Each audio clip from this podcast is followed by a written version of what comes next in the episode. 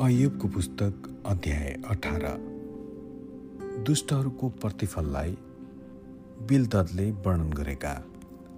तब बिलदद सुहीले यसो भनेर जवाफ दिए यी भाषणहरूलाई तपाईँले कहिले बन्द गर्नुहुन्छ?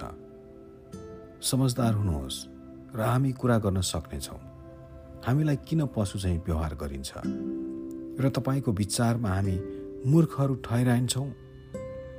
तपाईँ जसले रिसमा आफूलाई छिया छिया पार्नुहुन्छ के तपाईँको खातिर पृथ्वीलाई त्यागिदिने अथवा पहराहरू तिनीहरूका ठाउँबाट हटाउनु? दुष्टको बत्ती निभाइन्छ त्यसको आगोबाट फेरि कुनै ज्वाला निस्कँदैन। त्यसको पालमा ज्योति अँध्यारो हुन्छ त्यसको बत्ती निप्छ त्यसको पाइलाको शक्ति कमजोर हुन्छ त्यसको आफ्नै युक्तिले त्यसलाई लडाउँछ त्यसका खुट्टाले त्यसलाई पासोमा धकेल्छ र त्यो जालमा भौतारिन्छ। त्यसका खुट्टा पासोमा जेलिन्छ। पासोमा डोरीले त्यसलाई कसेर बाँध्छ। त्यसको लागि गल पासो भुइँमा लुकाइएको छ र जाल त्यसको बाटोमा तिर्सिएको हुन्छ।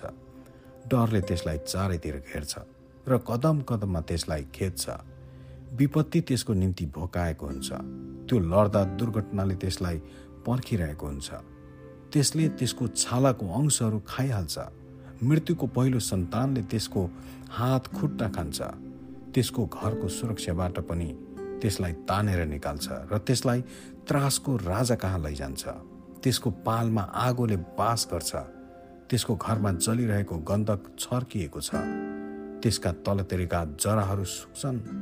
त्यसका माथिका हाँगाहरू ऐलाउँछन्। पृथ्वीबाट त्यसको सम्झना लोप हुन्छ। सम्झनामा त्यसको नाउँ निशानै रहने छैन। त्यो उज्यालोबाट अँध्यारोमा तपाइन्छ र संसारबाट निकालिन्छ। आफ्ना मानिसहरूका बीचमा त्यसको आफ्नो कुनै सन्तान छैन। आफू एकपल्टको बसेको ठाउँमा कोही बाँचेका हुने छैनन्। पश्चिमका मानिसहरू त्यसको दशा सुनेर छक्क पर्नेछन्।